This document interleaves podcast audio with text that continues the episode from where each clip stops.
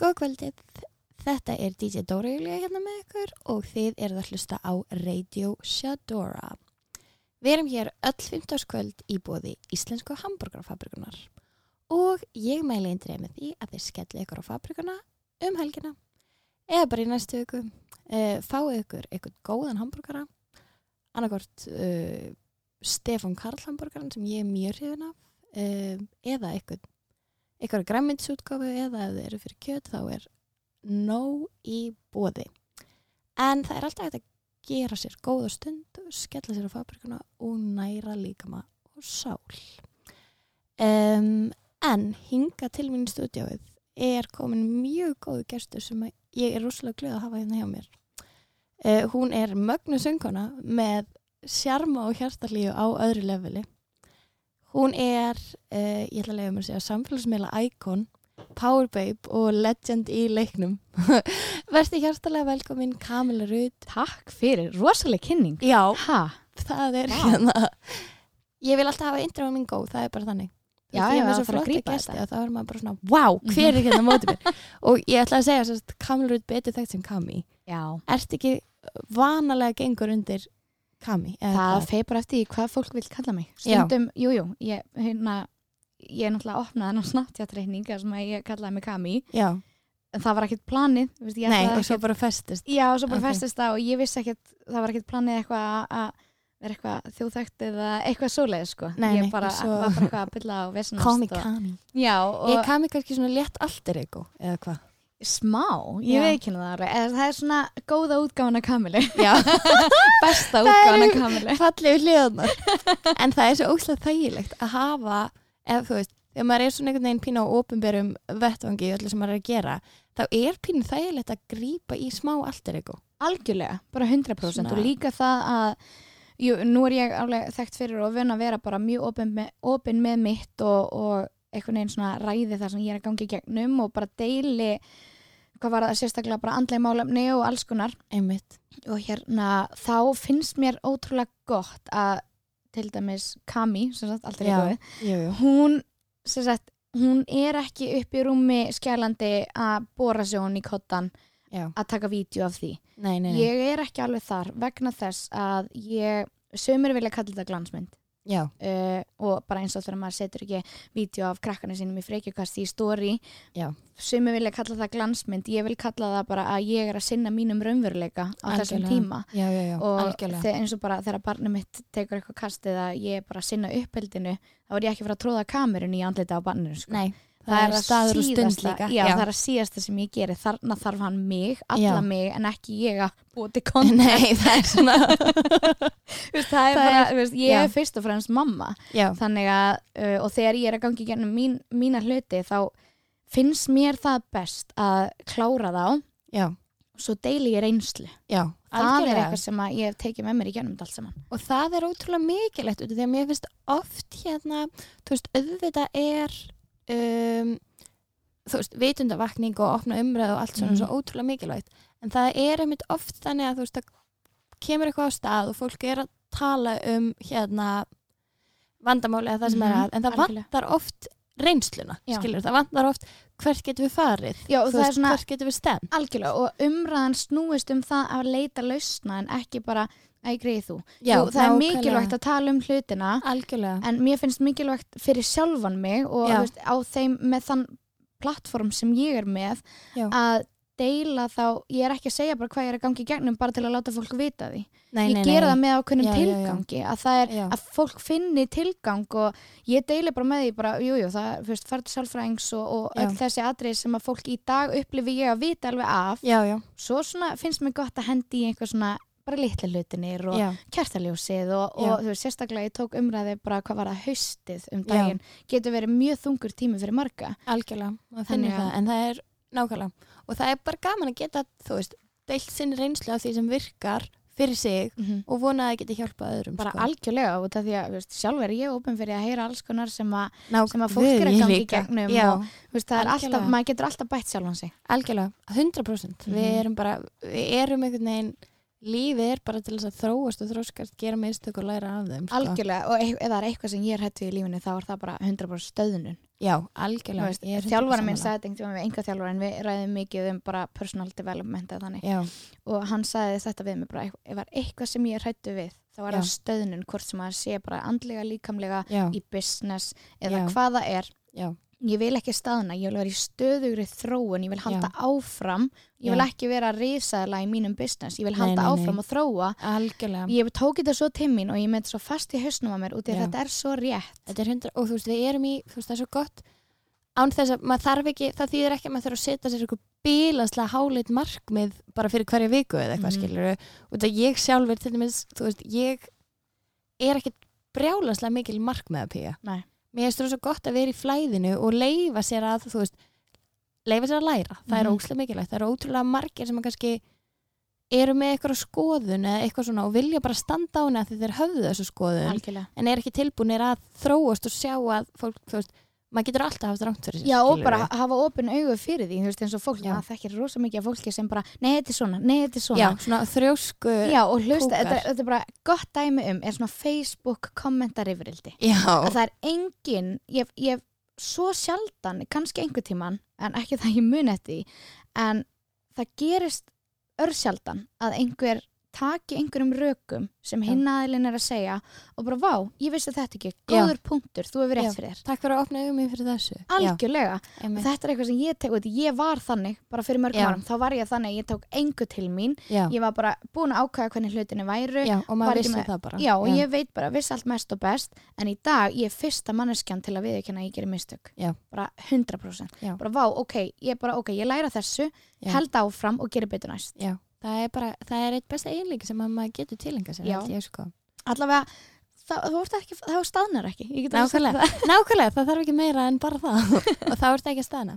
En þetta er alveg rétt, sko að hérna, við viljum vera við erum svona verur sem viljum vera í sífildri þróun. Algjörlega. En það er uh, samfélagsmiðlar eru svolítið merkilegt fyrirbæri. Mm -hmm. um, og þeir hafa kannski spila svolítið stórt hlutverk á þér undanfæran ár. Já, um, en áður við fyrir að uh, dýfa okkur í þá, ertu til að segja mér í bara stuttumáli hver er Kamla Rudd í þínum eigin orðum?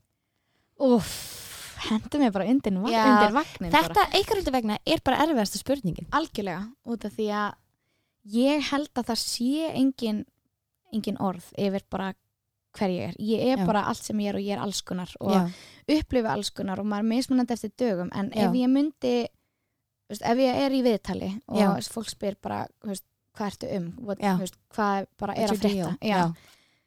Þá, þá kannski myndi ég segja að það sem að ég íti mér áfram í að gera og representa eða standa fyrir er það bara að við erum öll mannleg Já. ég er mannleg, þú ert mannleg við erum öll mannleg við þurfum öll pláss til að vera alls konar upplifa alls konar, lífið er lífið kemur fyrir, mm það er engin fullkomin og við verðum bara að taka eitt slag í einu.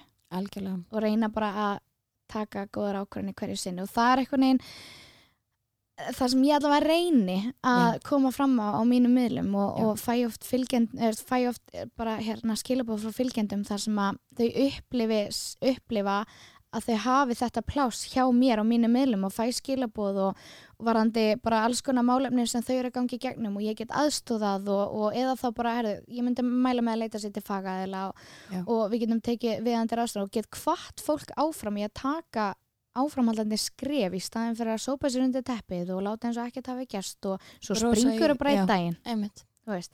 þannig að Einmitt. ef ég myndi segja þá er það bara að ég er mannleg Já. Ég er einlæg. Ég reyna að vera auðmjúk eins og ég get. Já, stundum er það ekkert gaman. En ég reyna það. Uh, en maður þarf að gera það í balans við að kunna að rósa sér líka. Algjörlega. Það bara er- að vera stoltur og örugur í sjálfum sér. Algjörlega, en aftur á móti geta byggt sig þegar að þurfa að algjörlega, ég, algjörlega. svona, já, ég, ég hugsa bara ótrúlega mikið út í það hvernig ég get mögulega verið besta útgáðan og sjálfur mér. Ekki bara fyrir, fyrir sjálfa mig heldur aðra líka. Já. Og þannig að mér líður sem best í daglega lífi og ég bara, ég pæli svo mikið í þessu Dóra, ég bara Já. það næri yngri átt, ég er bara á hverjum einasta degi bara, ok, tek einhverja samræður, af hverju brást ég svona við af hverju tók ég þessa tilfinningar upp af hverju, og ég, ég greini allt sem ég gengi í gegnum. Já, út af því að mig langar að ekki upplifa þessa tilfinningu aftur og Já. mér finnst það erfitt og, og það er gott að skilja sig og vera í tengingu við sig. Já, veist, það er svona þegar mér hefur liðið hvað verst eða bara gert mín stærstu mistök og svona, þá átti ég maður bara vá, ok, kannski undarvarna mánuði er ég ekki búin að vera neittni tengingu við sjálf á mig. Þú veist, nákvæmlega. ég er eitthvað staðar en ég er svona einhvern veginn, mann líður eins og maður sé svona pínu svífandi og maður er ekki alveg þú veist, maður þarf að jarðtengja sig algjörlega og og vera meðvitaður um eigin líðan, meðvitaður um sjálfið og, og það er bara ákveðin núvitund, núvitund sem fylgir því Nákvæmlega og þú veist það er ástæði fyrir að þetta er orðið svona mikið, þú veist, wave innan gæsalappa, eða skilur Já. þú veist, allt þetta bara meditation og Mhm. núvitund og allt svona er að því að þú veist, við lifum á svo ótrúlega hröðum tímum já, og það er svo auðvelt að fara fram úr sér og svolítið kannski svona, einmitt hver maður er og hvað maður stendur fyrir og þú veist bara gleyma nánusta umhverfi. Já bara hvað að- er það sem skiptir máli hérna? Já. hvað er ég að gera og hver stefni ég? Algjörlega, ég ger það regla og eins og þú nefndir hann og þú ert ekki mikið markmiða pía. Já, uh, ég var að viðkjöna ég, ég, ég er ennþá svona að fatta hvað konsepti af markmiði er. Það er er alltaf flók Já, mér finnst ekki virka fyrir mig, ég veit að virka fyrir marga aðra og ég hveit endilega fólk til að gera það að það Já. Það virkar ekki fyrir mig að skrifa niður eitthvað eitt markmið Já. og ég ætla að gera þetta. Og ég ætla að klára það. Mm -hmm. út af því að ef ég ég byrja að fresta, hvíði minn tekur við ég byrja að Mhm. fresta um, ég verð svolítið hugfangin og bara þetta tekur yfir hjá mér. Og þá svona yfirleitt í bara svona 90% tilveika þá feila ég. Já, og þá verð ég svo vonsvikin út í mig. Í staðin fyrir það, ég reynda að teka reglulega og skrifa niður veist, hvað er ég að gera? Já. af hverju er ég að gera það hvert stefni ég sem Mhm. er bara ákveðin markmið, hvert stefni ég, hvað vil ég að gera og svo skrifa bara hvernig ætla ég að fara að því og ég er Já. með þetta ég er með, þetta bara skjali í tölvunum minni sem Já. ég fyllir reglulega bara út aftur og aftur og aftur bara Já. upp og nýtt og þú veist, þegar ég en finna þetta er svona lífsviðþorf í rauninni. þegar ég, Svona finna, viðmið. þegar ég finna ég þarf svolítið svona byrjundir vangina ég þarf eitthvað svona umf í svolítið lífið power já. já, stundum algjörlega þú veist, ég ger það alveg þegar, mig, þegar ég er pínu mest, þú veist, þá skrifa ég niður uh, vikuna skilur Já. upp, hvað er framöndan, ok, hvernig ætla ég að reyna að skilja því af mér, hvernig manneski vil ég vera? Og allt þetta, þú veist, ég Mhm. gerir oft einmitt bara svona í byrjun mánar þá er ég oft bara eitthvað svona uh, hvernig ætla ég að bregðast við hlutum og allt þetta, algjörlega. En það er bara málið með markmið er að mér finnst stundum þú veist, þetta er svona æ, þú veist, þessi eru svo mikið goals, það er svo mikið goals að líta svona út og Mhm. æskilur, þú algjörlega, þetta verður og líka bara, þú veist, mér svona hitt og verið náinn einstaklingum sem að lifa frá markmiði til markmiðis Já. og get ekki notið ferðarlagsins, það skilur er enda rétt og því að þá ertu alltaf að alltaf að berja þig hausinn bara, ó ég náði þessu ekki núna. Já, ég þessu kannski næst og, og og svona lífið á að vera nákvæmlega svona og ég stopp ekki fyrir, og þú veist, það er pínu glorified, þú veist, svona þessir ótrúlega successful fáu einstaklingar sem að, veistu hvað ég meina? algjörlega og líka bara sem maður er bara maður- eitthvað, ég ætla að lifa svona lífi og þessi stoppaði ekki fyrir hann var 35 ára og ríkasti maður í heimi eða eitthvað, maður er eitthvað svona líka bara ef maður setur það í samengi þannig ok, hvað hva er markmiði, ætlar að Já. missa 5 kíló, ætlar að ná að hlaupa 10 kilometra, þú veist, ætlar að gera þetta eitthvað svona mikið penning, allt Já. í góðu ekkert mál. Um, ef maður setur það svo í samengi þannig ég hef mikið talað um þetta sérstaklega vanandi bara, veist, hef mikið talað um líkamsverðingu og svona mínum meðlum og, og reyndar svona dróða smá í hlýja þessar predikanir sem va maður var með út af Já. því að ég byrjaði að tala um þetta fyrir svona kannski þreymur ára síðan eða eitthvað og það Já. var raunverulega bara út af því að ég var í fæðingaróla með barnið mitt líka með búin að breytast já, og ég var einhvern veginn bara að melta þetta allt saman og var bara svolítið bara að ausa úr mínum byggurum bara Já. í stóri, bara af hverju líður mér svona, hvað er að frétta, veist, hvað hva, hva langar mig að gera, hvernig langar mig að verða? Er þetta það sem skiptir máli? Veist, ég vil elska sjálfan mig. Um, burt séð frá einhverjum samfélagslegum stöðlum. Burt Já. séð frá því, og veistu, ég veit það og þess vegna verð ég að segja þetta ég veit það að ef ég missi 5-10 kíló ég verð ekkert sáttari fyrir viki nei. Ég verð ekkert hamingjusamari það er hausinn sem skipt, skiptir máli. Ef ég fer í það og set mig það skrifa hjá mér bara missa 5 kíló. Já. ok, ég fer bara ding, ding, ding, ding. Já, já, já. fyrir að, sko, að harka fyrir því og bara Já. mataræði allir pakkin, ekkert mál, græja þetta. Mhm, svo er þessi 5 kíló farin, ég stíg á viktina mínus 5 kíló, já, stíg af viktinni og hvað, er ég bara orðin besta mannski já, bara nei, geggja, bara tókst. og æðu, jújú, Já. þetta er ákveð, ákveðin svona ávinningur, bara mér tókst þetta og, og sigraði sjálfa mig, mm, en hvað svo já, hvað tekur við, hvað, þá er bara eitthvað annað markmið, þá Já. er eitthvað næst Já. það vantar oft í þessa umræðu þetta hugafar í að njóta ferðalagsins og Mhm. vera bara vera ákveðin útgafa af sjálfum sér Mhm. í ferðalaginu já, og bara hér og nú þú veist, Já. sem er með núvitundin snýst svolítið um og því að þú veist við erum ekki akkurat núna fyrir morgundaginn skilurðu. nákvæmlega Þú veist, það er svolítið, mér finnst þetta mjög og þetta er eitthvað sem að ég hef líka bara, þú veist, þegar ég verið að gang eða þú veist, þegar maður gengur í gegnum erfileika eða breytingar eða eitthvað sem er erfitt, þú veist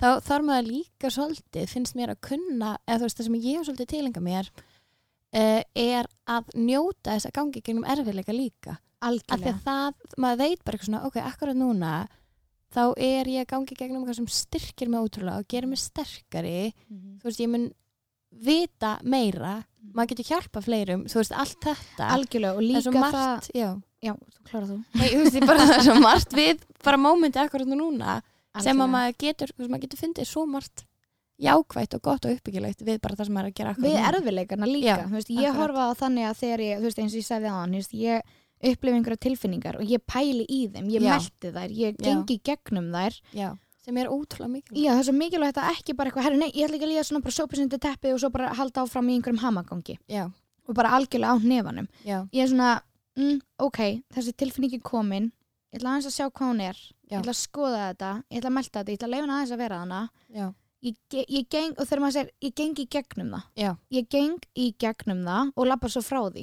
Vist, ég er ekki að labba einhvern veginn einhverja krókaleir til að reyna að dodja það og, og reyna einhvern veginn að reyna að sleppa við að upplifa þetta sem að ég upplifi að margir gera stundum. Algjörlega. Að ég, ég tók ákvörðun bara fyrir einhverjum árum síðan þegar ég var að taka sjálfa mig í gegn að ég verð að viðurkenna allar þessar tilfinningar ég verð að gangi gegnum þetta Já. og svo bara allt í góðu, tekur einhverja daga kannski einhverja vikur en það má ekki vera mikið lengur en það, þá skilja það svo bara eftir þá Já. bara ok, þess, þessi kapli er búinn hvað lærði ég af þessu? Já. Frábært Já. og veist, þetta er ákveðin bara svona viðurkenning við, við lífið bara ég ætla ekki að lifa í einhverju baráttu við það að fá ekki lífið til mín. Lífið er alls konar og lífið kemur og, og það hendur í þig alls konar verkefnum. já, Ég ætla ekki að lifa í stanslösum slag við það að reyna að, að beigja mig frá þessum verkefnum. nei, veist, einmitt það veist mér alltaf mjög mikilvægt. já, mér finnst þetta bara freka magna hvernig varst það svona wise Ég veit ekki. það bara allt í einu, einhvern veginn Já, en ég, eins og ég segi, ég vakna morgun á og ég pæli í þessu. Er bara, þetta finnst... er ótrúlega magnað viðhorf að, líka bara, einmitt, að upplifa. Mm þú veist, upplifa það sem er að gerast. Algjörlega. Og ég pæli rosa mikið í þú veist, ekki bara fyrir sjálfa mig, heldur fólki í kringum mig þegar það kemur til mín með einhver vandamál og, og þú veist, bara fólki mitt sem er bara að venda. Það er ekkert endilega eitthvað að koma til mín eitthvað, ég myndi aldrei segja að ég sé eitthvað já En bara fólki mitt sem að bara leitar í huggun og komfort Já. hjá mér. og spjall Já, algjörlega og stundum þarf maður bara að auðsa úr öllu sínum byggurum yfir Já. einhvern annan sem þú trúir, eða sem Já. þú treystir. Já. Og þegar, þegar fólki mitt gerir það, að þá veita, og ég finna alveg í dag, að fólki mitt gerir það ekki, ekki lengur, það ætlar ekki að gera í því. já, því ég er bara eitthvað, herri, grjót haldi kjáfti. Já. Nú ætlar þú að gangi í gegnum þetta, ég, við gerum það saman, er eitthvað sem ég get gert, þá er ég hérna, er ég hérna. Og mér finnst það bara svo, veist, og ég, ég segi oft við vinkunum mínar bara, ég nenn ekki að tala um þetta ef þú ætlar ekki að gera neitt í Já. þessu. Ef þú ætlar að koma Bara til mín í- vælandi já, og bara töðandi yfir einhverju sem er greinilega tröflaði það mikið að þú situr í fangin á mér með hór já, að þá finnst mér svo það er eitthvað sem ég þarf kannski aðeins að læra að róa mig, just, ég er bara 25 ára já, nóg eftir já, og maður er já, alltaf að læra á já, að græða og já, gera jú, jú. en ég ég, þú veist, jú, jú, það fá allir pláss til að vera alls konar og líða alls konar en svo Já. er bara kemur ákveðin tímapunktur já, hvað ætlum við að gera í þessu já. Hvernig ætlum við að halda áfram? Mhm, hvernig ætlum við að taka þessar tilfinningar og þessar þróun sem eru orðið í þínu lífi já. á næsta level, hvað ætlum við að gera við þetta? Akkurat, og staldra við að hugsa, ok, hvaða möguleika hef ég og hvað get ég gert í þessu? Þú veist, þegar allt kemur til alls þá getur enginn búið ábyrð á heilsunniðinni og líðan heldur en þú, sko. -hmm.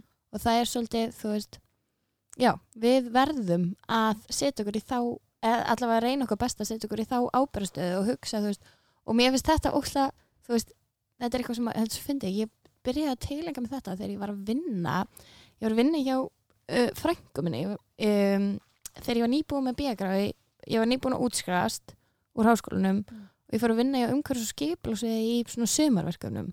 Og frænka mér var með svo magna við þú veist, það var allt svona, þú veist, það er oft einhvern veginn maður er að skipilga alls konar viðbyrjunir í bæ og alls konar sem er í gangi og það er, þú veist, fullt af hindrunum sem komu upp.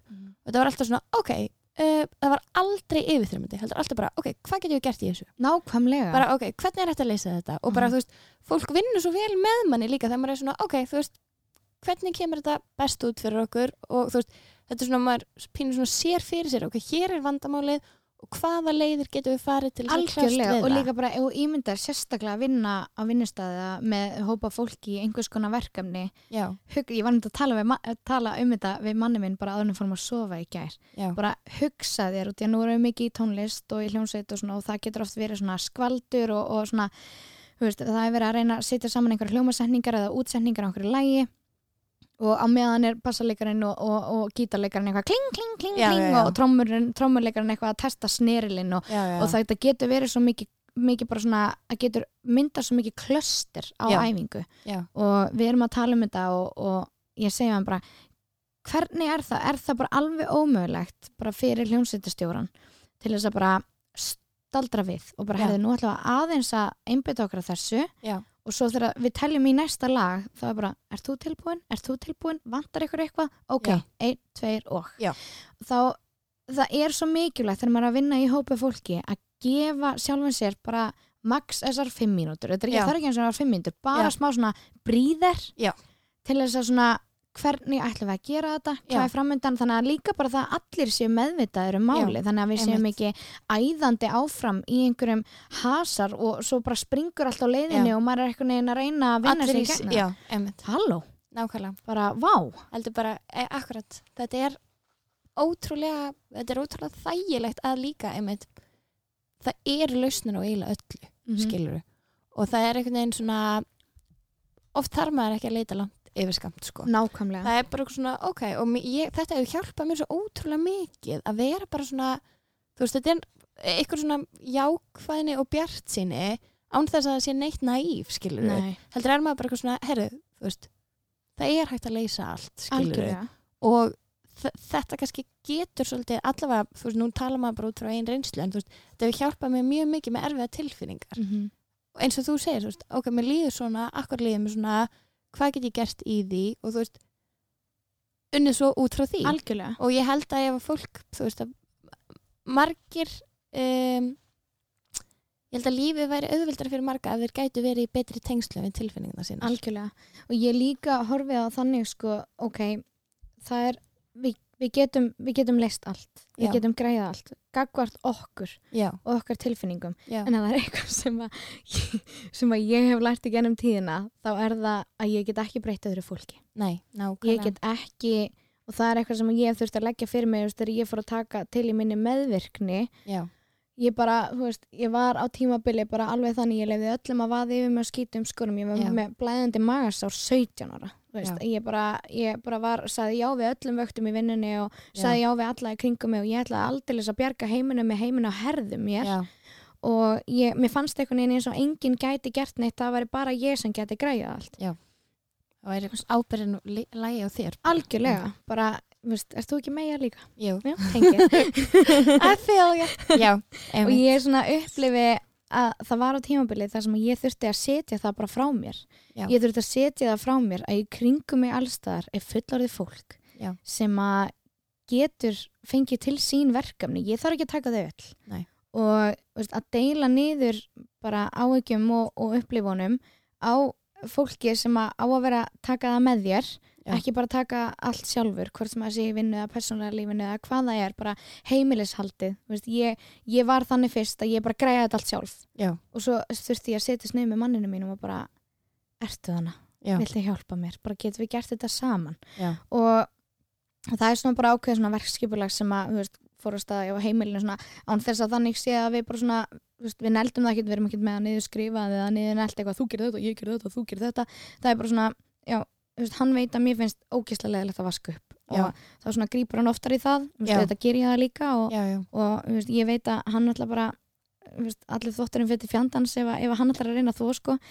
Þannig að ég sé um það en svo þegar til dæmis er teamwork. Já, og svo svona ef að þvotturinn er orðin yfirþyrmandi þá bara hei, ef að klára hérna einn þátt og svo þegar hann er búinn þá er þurkarinn búinn ef við þá fara saman og hjálpast að taka hrúuna já, þá tekur það kortir í staðan fyrir tvo tíma fyrir mig. Já, já, þannig að veist, þá er maður notabenni líka með félagskap og það er Akkurat. einhvern veginn að deila ábyrðinni var rosa erfitt fyrir mig en ótrúlega mikilvægt fyrir mig að sleppa. Já, já, já, Þú veist, að ég, að ég þarf ekki að taka þetta allt sjálf og líka það að þurfi ekki að bera ábyrð á öðru fólki eða hvernig það bregst við nei ef einmitt. ég vinn nógu mikið í sjálfur mér ef ég er meðvituð um mína líðan ef ég er meðvituð um hvernig ég kem fram við annað fólk Já. og það er ekki hægt að negla mig á einhvers konar dónalegri framkomu eða eitthvað svoleiðist og það er eitthvað sem ég hef reynd að temja mig bara mjög mikið er að, skipt, að reyna að aðskilja mínar tilfinningar frá hvernig hvað mér finnst um þessa kjærli já, já, já,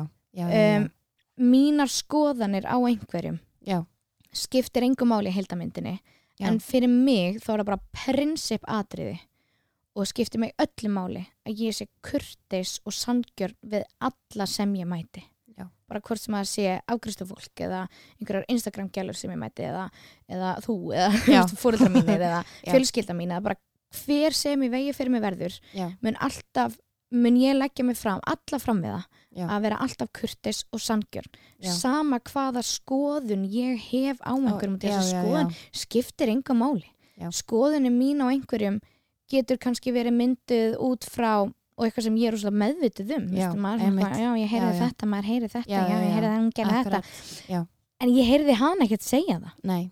Veistu, ég heyrði, seg- veist, ég heyri viðkomandi ekkert segja veist, ég heyri bara einhverja slúðusögur og Já, svo já. okkur svona ósjálfrátt og ómeðvitað myndast einhver skoðun. Allt í læg og þetta er eitthvað svona sem að maður líka stundum hefur maður eitthvað álita á ykkur og þú veist þetta er svo oft eitthvað svona, ó ég þóli þess ekki eitthvað segir, skilur nákvæmlega. Og maður er eitthvað svona, býta af hverju? Mm og fólk getur ekkert svaraði, það er bara eitthvað æ, þú veist, Æ, minnst maður svona já, ég er bara eitthvað búin að ákvæða hún er eitthvað leim, já, Já, og það er bara eitthvað svona og það er eitthvað sem ég Já. hef tafið mér er að bara leifa öllum að njóta vafans. Já, út af því að ég trúi því.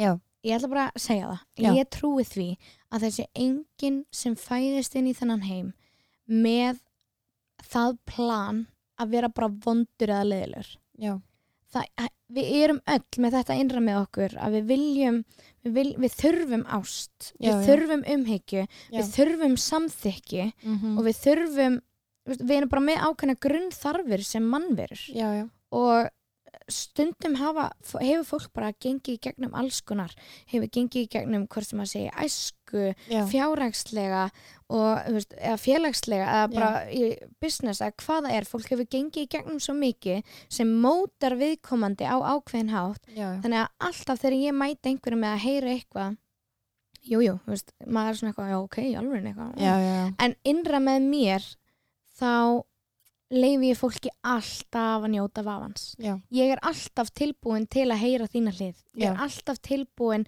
til þess að ég er með varan á, veist, ef ég er með einhverja skoðun ég er með varan á að hún gæti breyst það er alltaf læg, út Já. af því að ég vil heyra bara sannleikan já, já. og Akkurat. bara það sem að þú veist, ef einhver segjum bara að einhver hefur stólið einhverju, bara Já. já, hún er alveg stælsjúk og alveg bara í rugglinu og eitthvað, þú veist, eða er í fíknefnum eða hvað það er þá er það fyrsta sem ég hugsa hvaðan er það að koma? já, Ég, ég trúi því ekki að þú bara vaknar einn daginn og bara, já, ég ætla að stela þetta já, já. ég ætla að leggja nei, það nei. fyrir mig að vera bara að, stela bara allt mitt líf og bara lofitt æði, bara aldrei verið betri Einmitt. ég Þetta hugsa the ekki life þannig I want to create nákvæmlega og líka sko máli er að maður veit aldrei, maður veit ekki eins og hvað hefur komið upp á sama dag fyrir fólk skilur nákvæmlega maður veit ekki, maður veit ekki söguna þeirra og Mhm. maður veit ekki hvað er í gangi og ég, mér hefast gett það eilt að temja mér þetta þú veist, ég vann í þjónstarfi lengi þegar ég var yngri og þú veist, stundum getur fólk verið svo anstekilegt Mhm. þú veist, og bara ógislega ókvörteist og leiðilegt og þú veist, það er einhvern veginn svona e, það getur orðið svo personal ef eitthvað bara byrjar að garga á mann þegar maður er að vinna eða eitthvað Mhm. en svo bara svona það að hugsa bara ok, þetta er ekki persónulegt þetta er ekki gegn mér og ég Algjörlega. veit ekki hvað er að þú veist, og að reyna líka að breyta því bara kannski í samkend það Algjörlega. hjálpar óslega mikið og eitthvað sem ég sagði við vinkunum mína bara síðast í gær er bara að það var, við vorum að tala um eitthvað voru eitthvað erfiðleikar á, á, á vissu sviði og, og það var bara framkoma í garð hennar sem var bara mjög erfið já, og þannig að ég hugsa fyrst er bara hver særði þennan einstakling? já. Hvað, já, veist, hvað gerðist Hvað til þess að þú kemur svona fram? Já, og það, og það er eitthvað svona eitthvað sem að líka bara ekki fyrir það fyrsta, veist, ég er ekki að gera þetta bara til að vera næsu aðra, þetta hjálpar mér. Þetta bara þetta hjálpar mér að vera ekki bitur og vera ekki bitur brjáluð er og... það versta það versta sem ég get hugsað mér að verða í lífunu er að vera bitur. Mhm. Já. það er bara, þú veist tattoo mitt sko. Hva, hvað stendur? More glitter, less bitter. Nákvæmlega. Um, út af því að þú veist það er, þú veist, það er það versta sem ég geti gert sjálfur mér, er að vera bitur. Það er, tengist ekkit öðrum. Og það er líka eitri bara svo mikið fyrir þér. Já, það er bara toxic Já. fyrir bara sálina, bara, þú veist finnur það bara innra með þér hvað þið líður illa þegar þú ert Algjörlega, og það gerir ekki það gerir engum neitt Nei, nema eru- þér. algjörlega, og það eru svo margir þú veist, þú getur réttlega það að vera bitur á miljón mismundi vegu yfir Mhm. Hinu og þessu. Já. en þú veist, þannig komum við aftur inn og bara það er á okkar ábyrgð hvernig við bregðumst við og hlutunum tökum við því og, Og- og hvort við leifum því að vera eða bara þú veist, sendum það frá okkur. Já, Þú veist, og það er einhvern veginn einu sem bara til dæmis það er oft, oft svona sé ég svona vinkunahópum og þegar er eitthvað svona hamagangur og eitthvað að frétta að þá er rosa mikið svona líka reynda bara, já, þú veist, á alls konar sviðum ok, þú veist, þetta er ekki bara vinkunahópum þetta er bara, veist, í fyrirtækjum líka og, og svona alls konar sviðum já, þar sem að fólk talar endalust um eitthvað málefni. Já.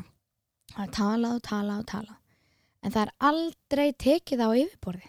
Nei, það er aldrei bara, það er aldrei talað beint við manneskjuna en þú tala við alla aðra í heiminu og það er aldrei gefið gefið manneskjunni bara benefit of the doubt eða leifin að njóta vafans bara, hey, hvað er þetta? Já. og það er eitthvað sem ég bara mér finnst rosalega erfitt þegar fólk kemur til mín eins og bara, veist, ég er bara mjög óbyrska með það að ég og stjúpappi minn já, sem er bara minn ræturdæ já, við rýjumst eins og hundra köttur já, en við elskum hvort annað. Það er ekki til manneskja sem að er bara, veist, við erum bara sama manneskjan. Við erum bara heilt Já. og við áttum bara síðasta laugardag Mhm. þar sem að hann bara hringdi mig og garga á mig og ég garga á hann og hann Já. skellti á og bara, það, það er eitthvað sem ég til dæmis ekki hrætt við að gera ég er Nei. ekki hrætt við að rífast nei, út af því að ég vil frekar fá hlutin á yfirborðið heldur en að byrgja og byrgja og byrgja já, og inni allt svona passive aggressive Já, og svo bara vibes eru þrem bara- vikum já. seinna þá ertu bara sprungin og farin Já. til Mexiko sko. já, já, já, þú og veist, bara fattarðu? vilt aldrei tala við Já, hann bara aftur stimplaði út Já, einmitt. þannig að ég, veist, ég bara, við tæklum þetta bara Já. ok, ekkert mál. Já. og hann sendi mér SMS eitthvað, elska þig þó þú skellir á mig. Ég svona, já, já, það er bara holdt fyrir þig andur mæns eitthvað, þú veist. Og þarna tæklum við máli, en þarna kemur hann til mín já, í símtali þar sem að hann vil meina að ég sé búin að sprengja eitthvað. Já, og ég sé búin að fara með einhverja hluti eitthvað allt og langt og alveg búin að ofugsa þetta og eitthvað. Já, og ég bara pabbi ég er bara inn upp í rúmi fyrir hátegi og lögadegi strákanum fyrir sund, ég er að klára kaffi mitt ég er bara góð, ég er Já. róleg Já. hvað er ég búin að sprengja sér Já. og hann bara, já þarna var það þannig að á bakvið mig var, var alls konar fólk búið að tala um eitthvað málefni þar sem að ég átt að hafa hlaupið eitthvað fram á mér og það var enginn sem ringdi mig og Nei, spurði bara, hei, hvað bara- ertu að gera? hvað er, Hvað er að frétta?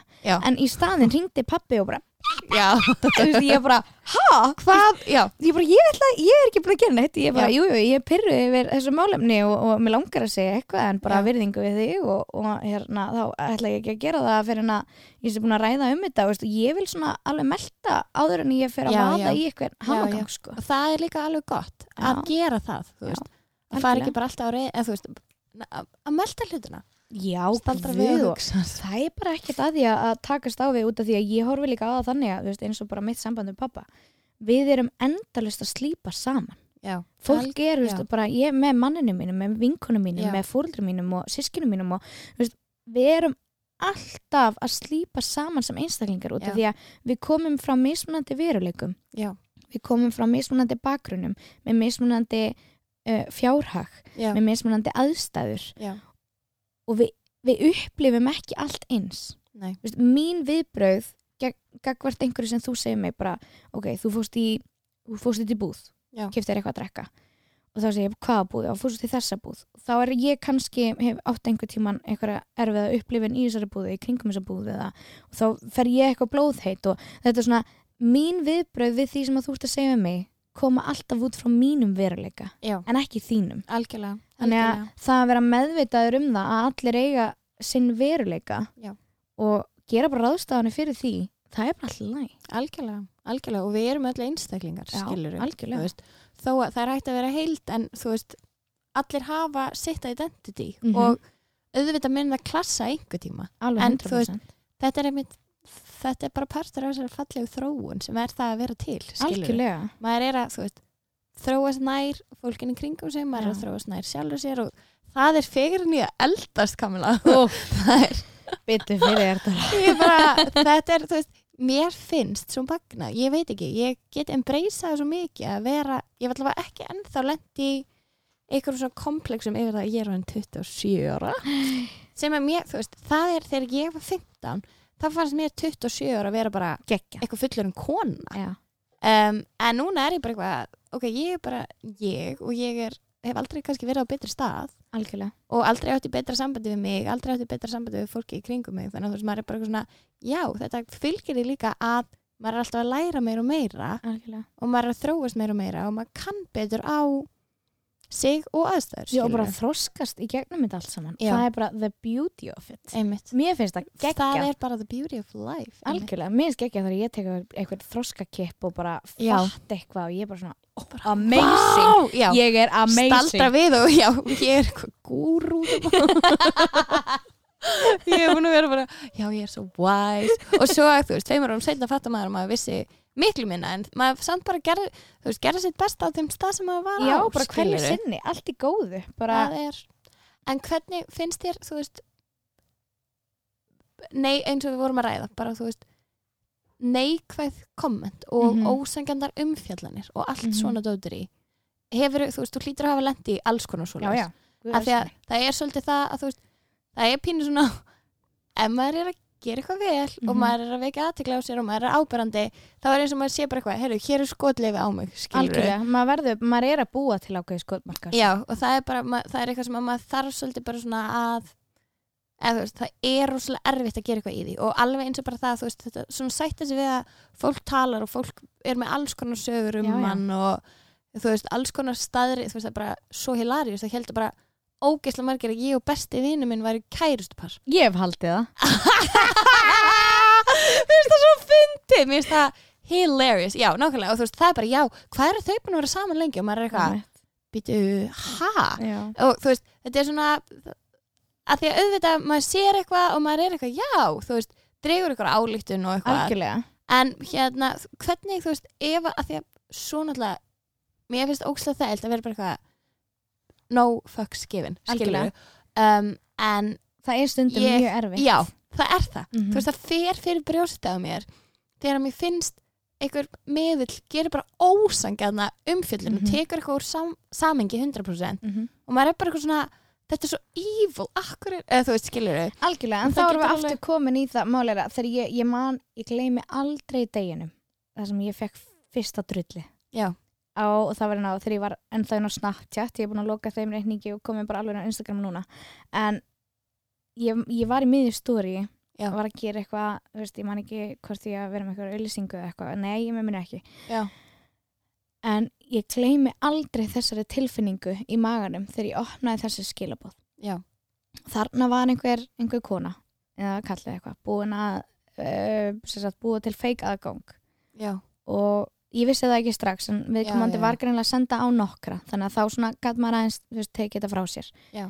en ég gleymi aldrei þessari tilfinningu hvað með leiðins ég hafi verið kild í magan Já. það var eins og einhver hefur stungið mig og verið að snúa nýpnum í ringi já, inn í mér. Já. og ég bara, þú veist, þetta var svo þungt og þetta var svo erfitt og ég fór bara að endurhugsa allt lífið mitt og, út frá okkur um fake fucking account Nákvæmlega. og einhver er sem að vaknaði bara í tussumót þú veist, nákvæmlega. það er eitthvað sem að til dæmis í dag, veist, með hvernig ég brást við þá, þá fór ég bara að geða eitthvað mí, mí, mí, mí, veist, og bara, bara tók eitthvað rand í story og sett eitthvað á screenshotin á Facebook og, já, já, og já. þá náttúrulega þurfti ég og bara var gott fyrir mig á þessum tíma með hvernig mér leið að fá allt peppi tilbaka. Algjörlega. Að fá, fá jákvæði rattinar sem voru Mhm. bara, ég þurfti að fá þær bara til að, á þessum tímapunkti til að kalla svo hátt. Já, Og- og, sama tíma líka standa uppi fyrir sjálfum sér, sjálfur sér, veist, það er eitthvað sem maður þarf stundum. Algjörlega.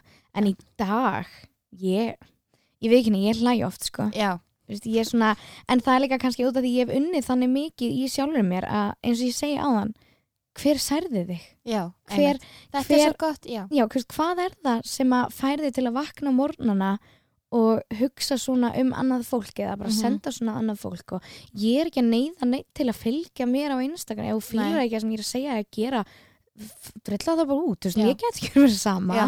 þú veist, ein, auðvitað þykir mér væntum hver einn og einasta fylgjanda sem fylgir Já, já. mér og ég elska öll skilabóðin sem ég fæ en það ger ég ekki í því því að oft líf mér bara eins og hjarta mitt sé að springa. Já, að ég tek svona Þú bara- screenshot og deili því og eitthvað út af því já, að ég- mér finnst þurfa meiri jákvæðan í hennan heim. Já, já. Og, og í hennan samfélagsmiðla heima. Algjörlega. Sem er náttúrulega bara svakalegur heimur út af þetta er bara, það er, þú ert bara undir stöðugri gaggríni það Já. eru, það eru ákveðnar típur af fólki sem að opna samfélagsmiðla með gaggrínenda augum. Já. og ég verða að viðkjöna ég, ég hef verið þar já, en ég ætla ekki að segja að ég hef alltaf verið þar út af því að ég horfi á samfélagsmiðla sem bara ákveðna afþrengu og, og fæ að til dæmis sjá hluti sem að ég annars mynd aldrei fá að sjá. Veist, bara eins og, eins og hérna, bara merkjafötin þín, eitthvað sem mér er bara geggjað og ég er svona eitthvað, vá, veist, ég, ég held að ég mun aldrei sjá svona veist, svo er ég búin að sjá þetta hjá þér Já. um, einhver fer til einhvers framandi lands sem Já. að ég myndi annars ekkert sjá veist, Já. ég er svona, þetta er bara ákveðin afþreying Þetta- og já, já. upplifun algjörlega, sem mér þykir bara ótrúlega dýrmætt að fólk vilja deila já, já, en ég fer ekki inn á samfélagsmiðla og rýni í alla fílapensla hjá Nei. einhverjum gælum sko nei, nei, það er bara, og ef ég finn sjálf mig að því þá unfollow ég út af því að Já. það er greinlega ekki að hafa góð áhrif á mig Já, akkurat og það er, þetta er þetta svona þín ábyrð, Já. skilur hverju og þú veist, auðvitað er það þú veist, auðvitað er kannski erfitt að segja því að það er mikið úlingstelpum á Instagram og auðvitað Mhm. er þú veist, þetta, samfélagsmiðlar eru mjög tvíekja sverð Já, upp á það, þú veist, það sem að mér fannst alltaf svo skemmtilegt og finnst í rauninni þú veist, það er dóldi gaman að fólk hafi sitt frelsi mm -hmm. til þess að búa til bara hér er ég frá mér, eða skilur mig. Nákvæmlega. Þú veist, þetta er bara svona þú veist, ég reyna að vera mjög einlæg á mínum miðlum, skilur þú ert það. Um, en mér, ég skil samt, þú veist, ok ég uh, er í Gucci-gala í Barcelona eða eitthvað Mhm. skilur og þú veist, ég skil alveg að stundum þú veist, þá er þetta pínu svona eitthvað auðvitað er þetta á eitthvað hátt glansmynd skilur um, en þú veist, og maður er svo mikið svona eitthvað, þú veist, ég reyndi einu svona að taka ykkur umræðu um hérna bara svona, já, þú veist, ég er búin að vinna ótrúlega mikið og hart og þú veist, þá hef ég svona einhvern veginn, auðvitað, þetta er smá yfirbúrskendin, ég hef réttlega að, þú veist, ég hef ánægja list og tísku og hef nákvæmlega. leikt mér að, og þú veist, og svo náttúrulega bara kom ykkur með og tók það algjörlega og samhengi og gera ykkur ömul, æ, þú veist, þannig að maður er svona eitthvað, það er dálítið erfitt að vera fullkomin í þessu. Og það er ekki líka hægt. bara það sem að fjölmiðlar vilja ekki sjá er hjartaðitt í dæminu. Já, það næri einhvern veginn að taka veist, þegar ég sé stórið þitt um þetta þá er bara vákvað þú ert geggjum vákvað ég tek mér þetta til fyrirmyndar. Ég tek mér það til fyrirmyndar hvað hún er búin að vinna ógæðslega mikið búin að taka sér öll geggin í heiminum sum leiðileg, sum skemmtileg og alls konar atriði sem hún hefur unnið í vákvað ég, þú veist, mér, fa- þá var ég bara ok ég bara að stega upp rúminu og bara mér langar að gera eitthvað. Bara ok, geggja besta. og, og svo sé ég fjölmiðlin Já, sem tekur fréttina ég les fréttina þá sé ég já ok, þetta er ekki sama dæmið. Nei. og því það er búið að taka þína innlægni og þitt hjarta Já. úr umfjöllunin algjörlega. Og þá er maður bara eitthvað, ok, þú veist, það kannski þýðir ekki eins og neitt fyrir mann að reyna. Algjörlega. En þú veist, svo eh, ég veit ekki, ég hef alltaf þú veist, mér finnst mjög gaman að vera bara eitthvað, heyrðu, þú veist mér líður vel með mér og þú veist, ég er ekki trættu við að setja myndir ef ég er í útlöndum á Mhm. ströndinni eða Nákvæmlega. whatever, þú veist og þetta er svolítið svona, þú veist, þetta er það sem ég er að gera og ég er að deila þið með ykkur og ég reyna að vera uppbyggileg og sína bara, þú veist ég treyst á sjálfa mig og Mhm. power og allt þetta og þú veist, ég hef líka verið bara freka berskjöldu með hluti sem ég hef gengið í gegnum Mhm. um, en ég er samt stundum bara svona, þú veist, maður er ofta að hugsa auðvitað er maður í ábyrðastöð af því að það er Mhm. mikið af fólki að fylgjast með og maður er svona ok, hvað get ég gert betur og hvernig get ég verið uppbyggileg en á sama tíma finnst mann samt svo gaman að hafa smá frelsi til þess að bara, bara deila, deila. því sem ég vil Svo ég ofugsa ekkert, ég bara deila öllu sem ég langar Já. til að deila skilur en þú veist, þetta er svona þetta er pínu við eigum eftir að mastera samfélagsmiðla Algjörlega. Hvernig ég horfa á það bara svona til þess að til þess að, hvað segir maður, taka mína vanlíðan á sínum tíma í gegn já, var að, til dæmis, þegar ég opna samfélagsmiðla að þá þá er ég ekki að bera mig saman við aðra konur. Ég Nei. horfi á, ef ég á að vera alveg hreinskilin, allar konur, áður en að það er prúfa mig otherwise, mm þá horfi ég á allar konur sem vinkonum mínar.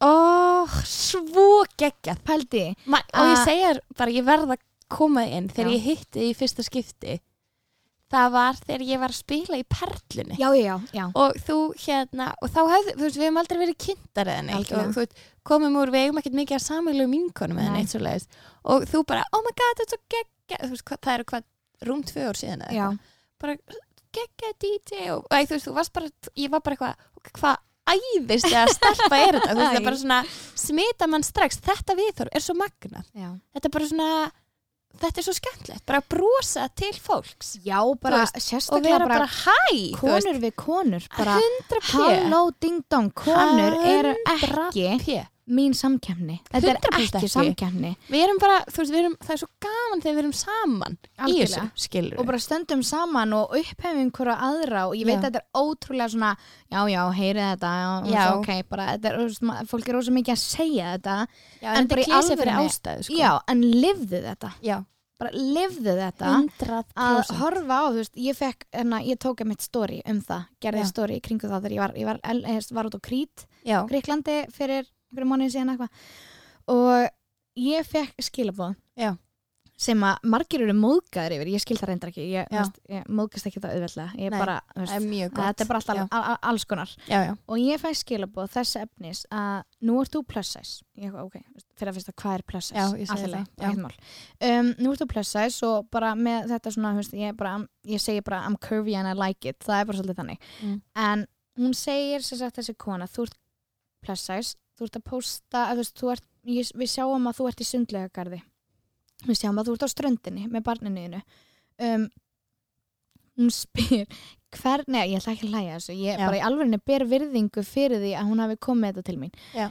hvernig upplifir þú sjálfan þig liggjandi á bekknum með eitthvað supermodel við hliðina þér?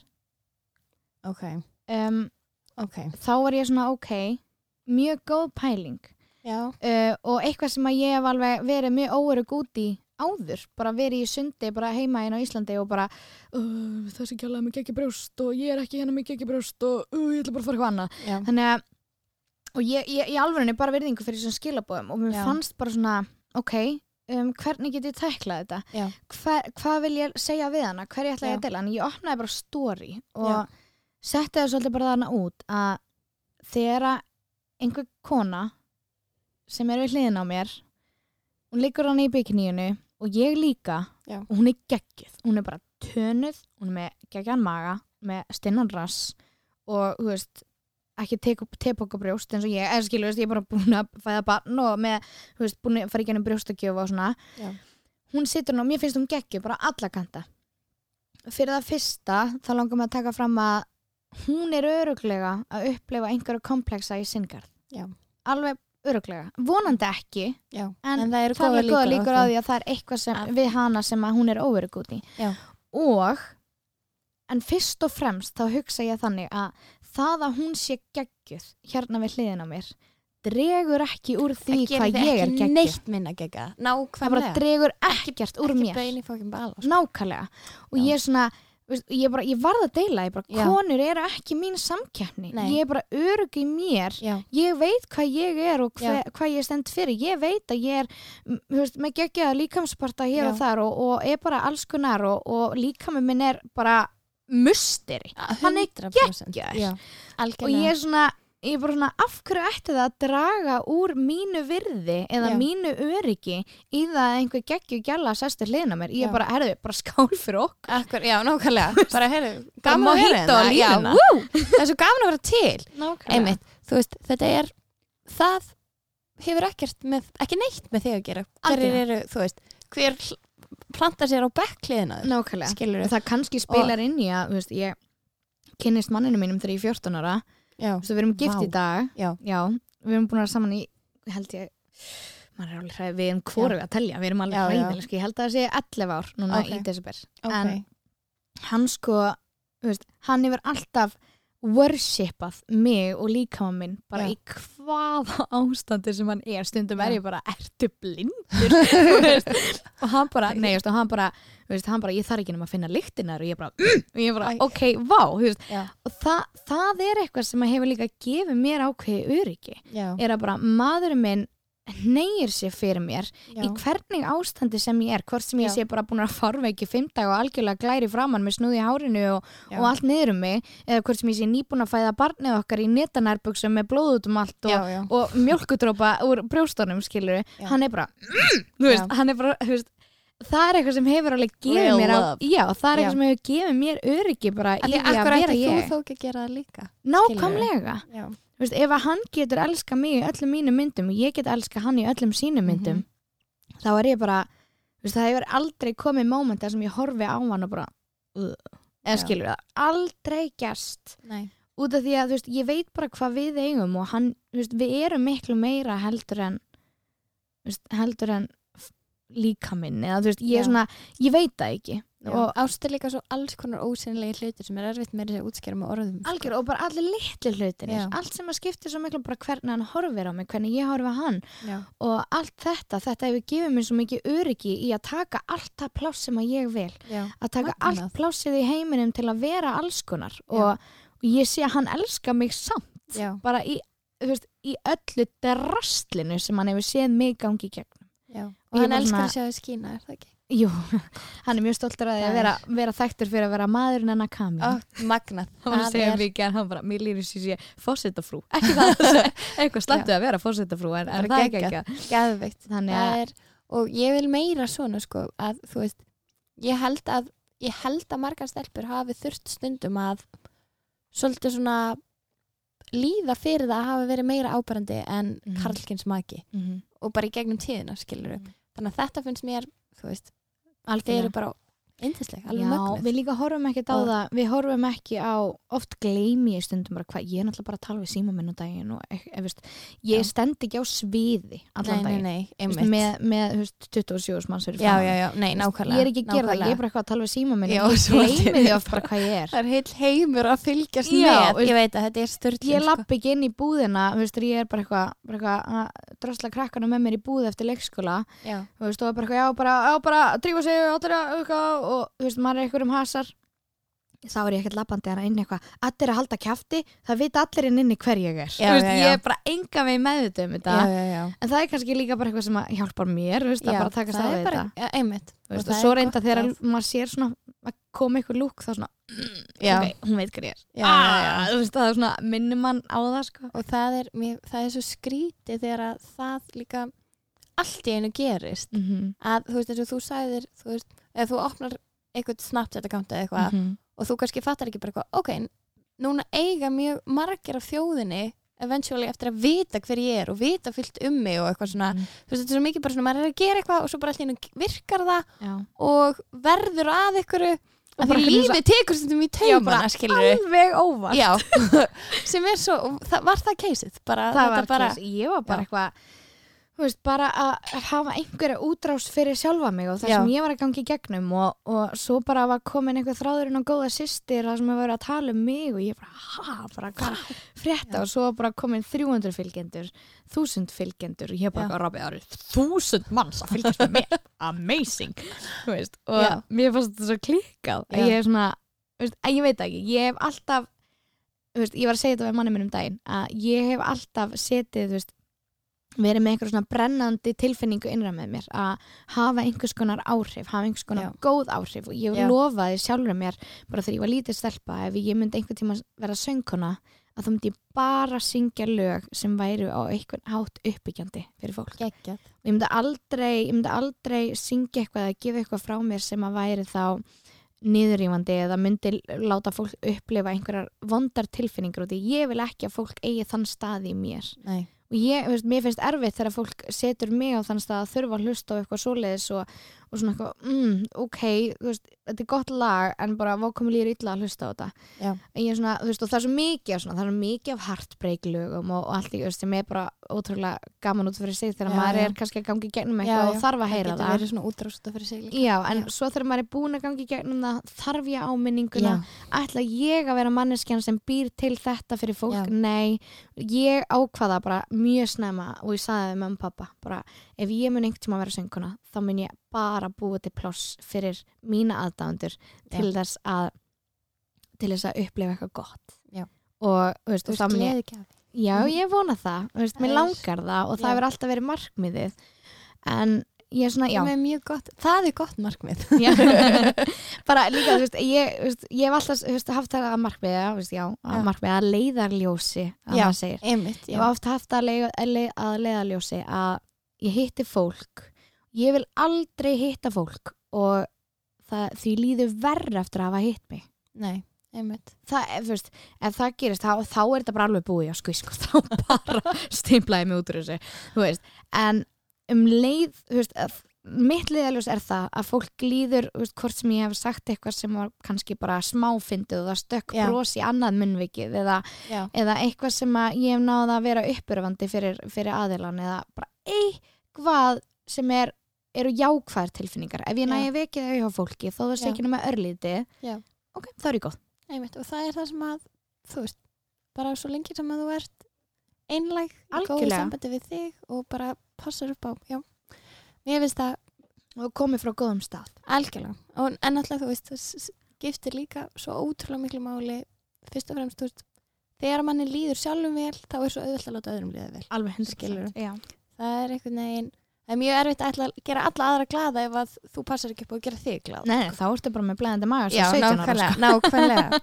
Þannig að það er já, vá, ég er hérna tíminn er aldrei liðið svona hrætt í viðtali.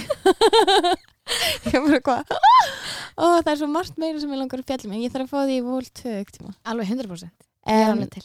en við langar að hérna ég er með svona tvo liði í lókin okay. eða kannski eitt sem ég langar að spyrja um, varðandi, sko, núna ertu búin að gefa tvö lög. Þú fórst til LA Já. sem var, það ekki geð það var náttúrulega bara eitthvað, ég þurfti ekki að gera það. Nei. ég hefði alveg getað að fara í stúdíóinu heima og gert það en það var bara já, kom upp og var Já. ákveðin tækifæri og bara svona ákveðin draumur fyrir mig veist, eitthvað sem að þú veist, ég var tilbúin til að leggja út fyrir og bara ákvaða að láta vaða í. Líka ekki að geta sagt ég fór til L svo ég, lit, sko. ég, ég tók upp lag í Hollywood. Æ, ég fór til Hollywood, takk fyrir lag. Þú veist, ég er náttúrulega LA ég sko besta, svo magnað já, það var Love Yourself það var Love Já. Yourself já. það er fyrsta lagi sem þú gefur út Já. sem er, já, with a bang bara, Já. bara óður til er- hvern líkamanns sem er geggjað mm -hmm. og er það, þú ert ætlar ekki að koma til með að gefa út fleiri lög Ég vona það, ég er Já. með alls konar í byggjur og vinslu og svona sem að ég vil, ég vil líka bara það sem ég er að gera, ég vil vanda efni sem ég gef út frá mér, Já. ég vil ekki gefa út frá mér bara eitthvað af því að það er pressað á það eða Já, það er verið að byggja um það eða ég vil vanda það mjög vel. Það verður að koma 100% frá þér. Algjörlega. Og ég, já, já, ég er alveg með ég er alveg með eitthvað í töskunni sem ég langar svona að fara að vinna í þegar tími gefst. En Ok. það er náttúrulega bara, ég er á haus Já. þessa dagana. Vist, ég er að fara í, ég er að syngja hérna, solo í Halloween Horror sjónu núna í loka oktober geðveikt. Aha. Og svo erum við mögulega við hjónin að fara að gera eitthvað smá dúlleri fyrir jólin Já, spennandi. ok, elsku besta, mér langar að beða þig í lókin að gefa, um, ef þú ættir að gefa eitt ráð frá sálinni þinni til annara, bara til þeirra sem er að hlusta. Hvað myndi það að vera? Þú sett svolítið búin að stikla því svona í gegnum Ah. viðtalið. kannski bara til að draga það saman Já. það var alltaf In viðtalið um, conclusion. já. um, það sem að er svona mér efst í huga þessa dagana og hjálpar mér mjög mikið er um, þú ber ekki ábyrða öðru fólki, þú ber bara ábyrða sjálfur 100%. bara take it or leave it Take it or leave it, but take it. Um, og ertu til að koma með eitt óskalag svona í lókin? Herðu, ég er búin að vera ég ætla að byrja þeim að spila Feel Good með Lizzo Ok, love it. mm. Hversu geggjuð er Lizzo?